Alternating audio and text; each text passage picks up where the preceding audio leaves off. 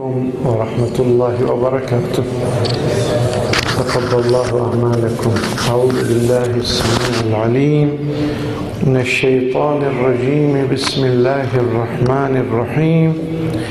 وبه نستعين والحمد لله رب العالمين. وصلى الله على محمد وآله الطيبين الطاهرين. اللهم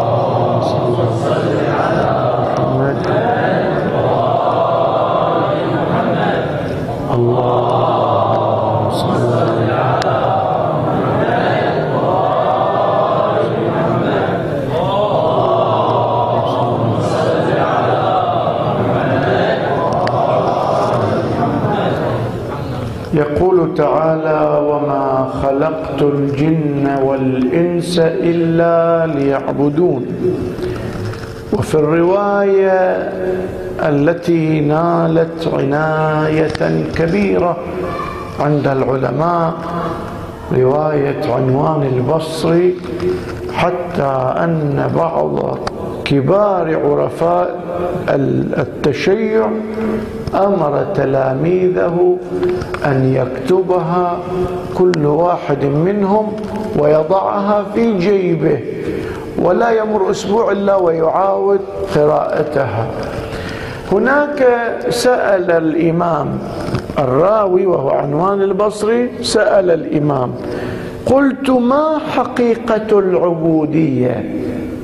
الآن العبودية لها حقيقة. إذا توفرت كانت عبودية صادقة مثمرة وإلا كانت صورة عبودية وهي ليست عبودية.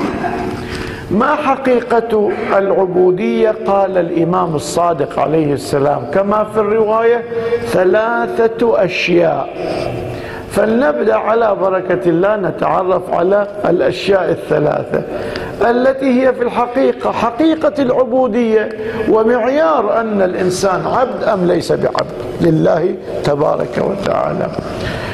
أن لا يرى العبد العبد لنفسه فيما خوله الله ملكا. هذا أول وصف. إذا توفر معناه العبودية حقيقية. العبارة تقول فيما خوله الله. مو إنما أوتيته على علم من عندي ما عندنا عندنا هذا المال مال الله. العبد وما يملك لمولاه. فأول حقيقة من حقائق العبودية الصادقة أن الإنسان يرى أن اللي عنده مو إليه. مال الله مال الله. يقول الإمام كما في الرواية لأن العبيد لا يكون لهم ملك يرون المال مال الله يضعونه حيث أمرهم الله به. هذا واحد. بعدين بنتكلم في الرواية عن عن منافع وثمار هذه الصفة رقم واحد. أن ترى كل شيء عندك ليس لك. الصفة الثانية ولا يدبر العبد لنفسه تدبيرا. يعني خلاص أنا ما أشتغل ولا أعمل ولا لا لا لا. هذا كله جزء من أمر الله. الله يأمرنا بالكسب الحلال ويأمرنا بالتوسع العيال ويأمرنا. لكن الإنسان وهو يخرج يرى أن الله يدبر أمره. يصيد شغله يعول عليه رزق. فيخسر. أو أنه يعمل لأناس خدمة فلا يعطى أجره. وفي موضع آخر يقدم على العمل وهو لا يتوقع إلا أجرا زهيدا. وإذا بصاحب العمل يكرمه أضعاف ما يتوقع. المؤمن يرى أن الله يدبر أمره.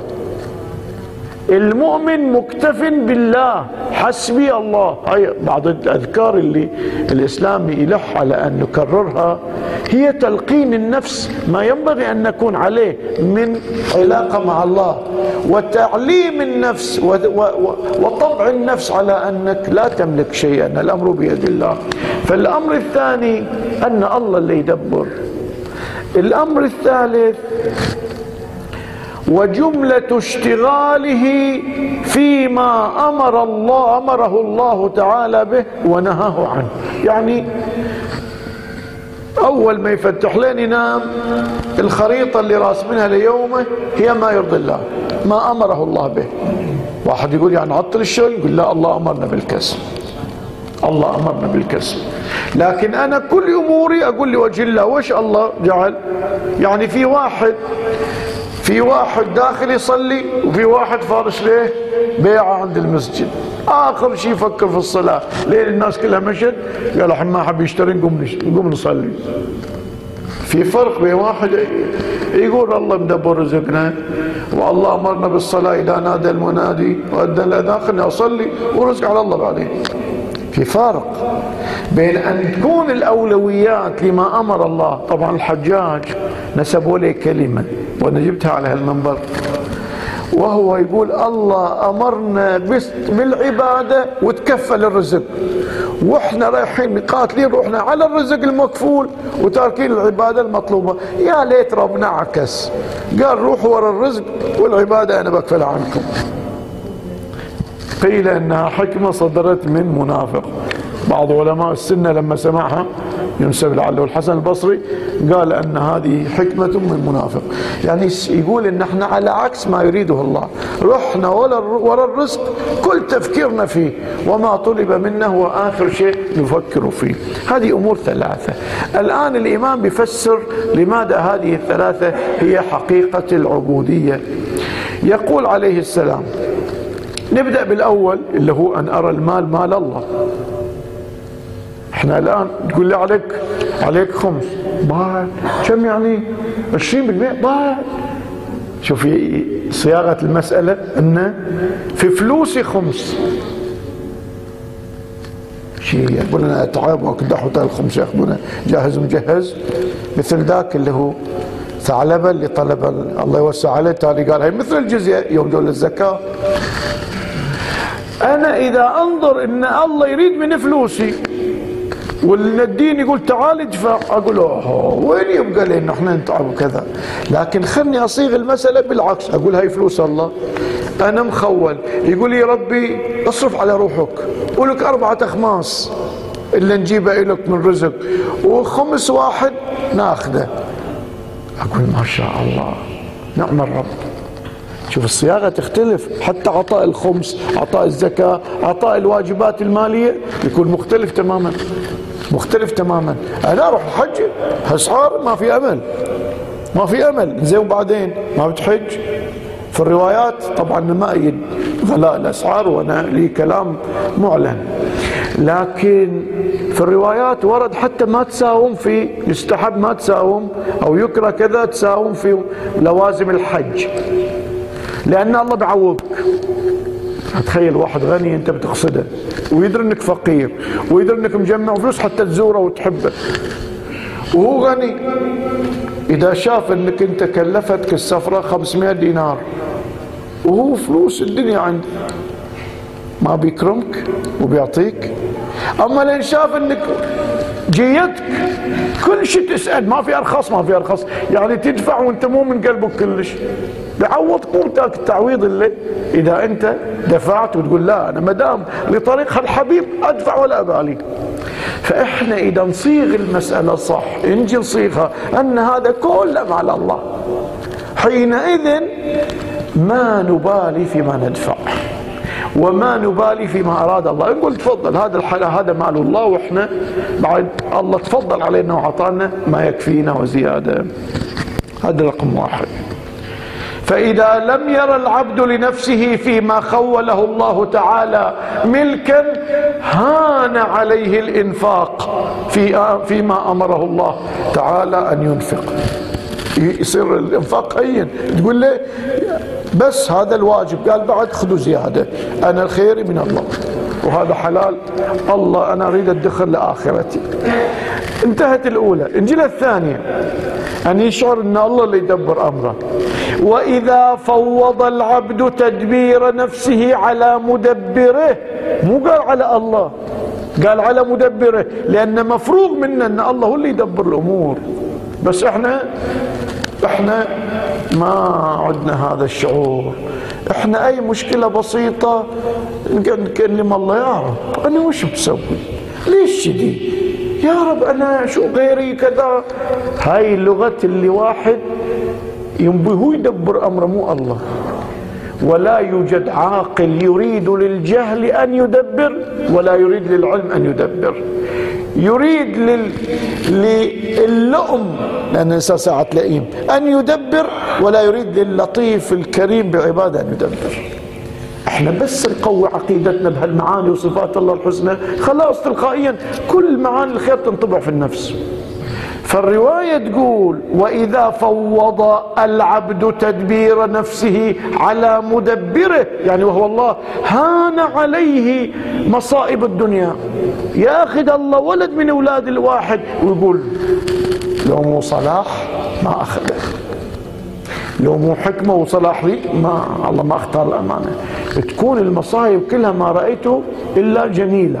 هذه علامة يقين وإيكال الأمر لرب العالمين. وإذا فوض العبد قرأناها. وإذا اشتغل. الآن الأمر الأخير. أن تشتغل بما أمرك الله. وإذا اشتغل العبد بما أمره الله تعالى ونهاه لا يتفرغ لا يتفرغ منهما من الأمر والنهي إلى المراء والمباهاة مع الناس. لأن المباهاة ما تجي إذا أنا أرى نفسي ها؟ أرى نفسي إن أنا جمعت المال بتعبي وبالتالي أنا أفضل منك. شوف خيارنا غير إحنا إحنا رجال السوق إحنا مو انت. كل من جو دخل السوق تختلف التفكير تماما. ما اتفرغ للمراء مشغول. اهتمامي مو في الرزق اهتمامي في الصالحات. وفي ذلك فليتنافس المتنافسون. فإذا الآن إذا اجتمعت سيدي يا جعفر الصادق إمامنا إذا اجتمعت الثلاث صفات في عبد شنو يصير؟ فإذا أكرم الله العبد بهذه الثلاثة هان عليه الدنيا. الدنيا كلها ما تساوي عفطة عنز. وإبليس يجي إبليس بكل مخططاته وكيده وحيله يعجز يقول أنا عجزني هذا. أجي ليه في المال؟ يرى المال مال الله. ما ما يأسف عليه ولا شيء. أجي ليه في الشهرة؟ مشغول بما أمرها الله ما يريد شهرة ولا يريد ولا يريد. أجي ليه في النساء؟ في شيء كل شيء ما أنا قادر عليه.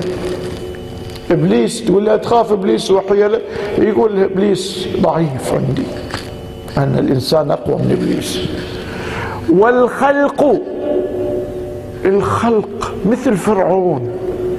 ويكون هين الإنسان يقول المؤمن إذا شو اسمه عذت بربي وربكم من كل متكبر معنى الآية أو نفسها أو قريب منها لا يؤمن بيوم يعني المؤمن يقول أنا عندي من أعوذ به من ألتجئ إليه وهو الله ما يخيفني أحد.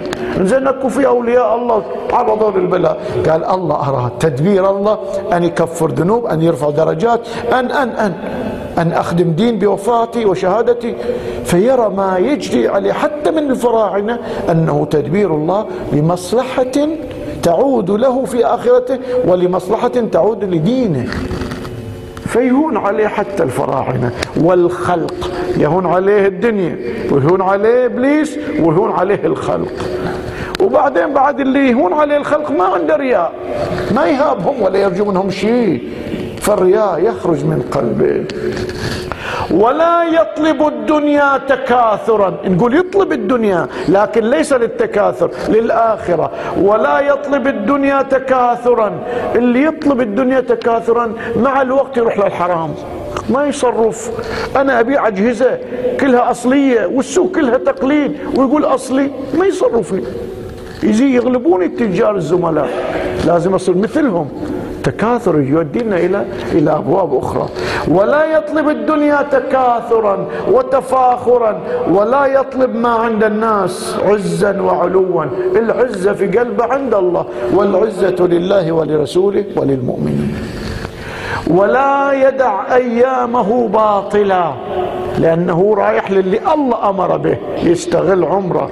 فهذا هذا الأمر أول درجة التقى. قال الله تبارك وتعالى تلك الدار الآخرة نجعلها للذين لا يريدون علوا في الأرض ولا فسادا والعاقبة للمتقين. أسأل الله بجاه من يحب أن يجعلنا منهم.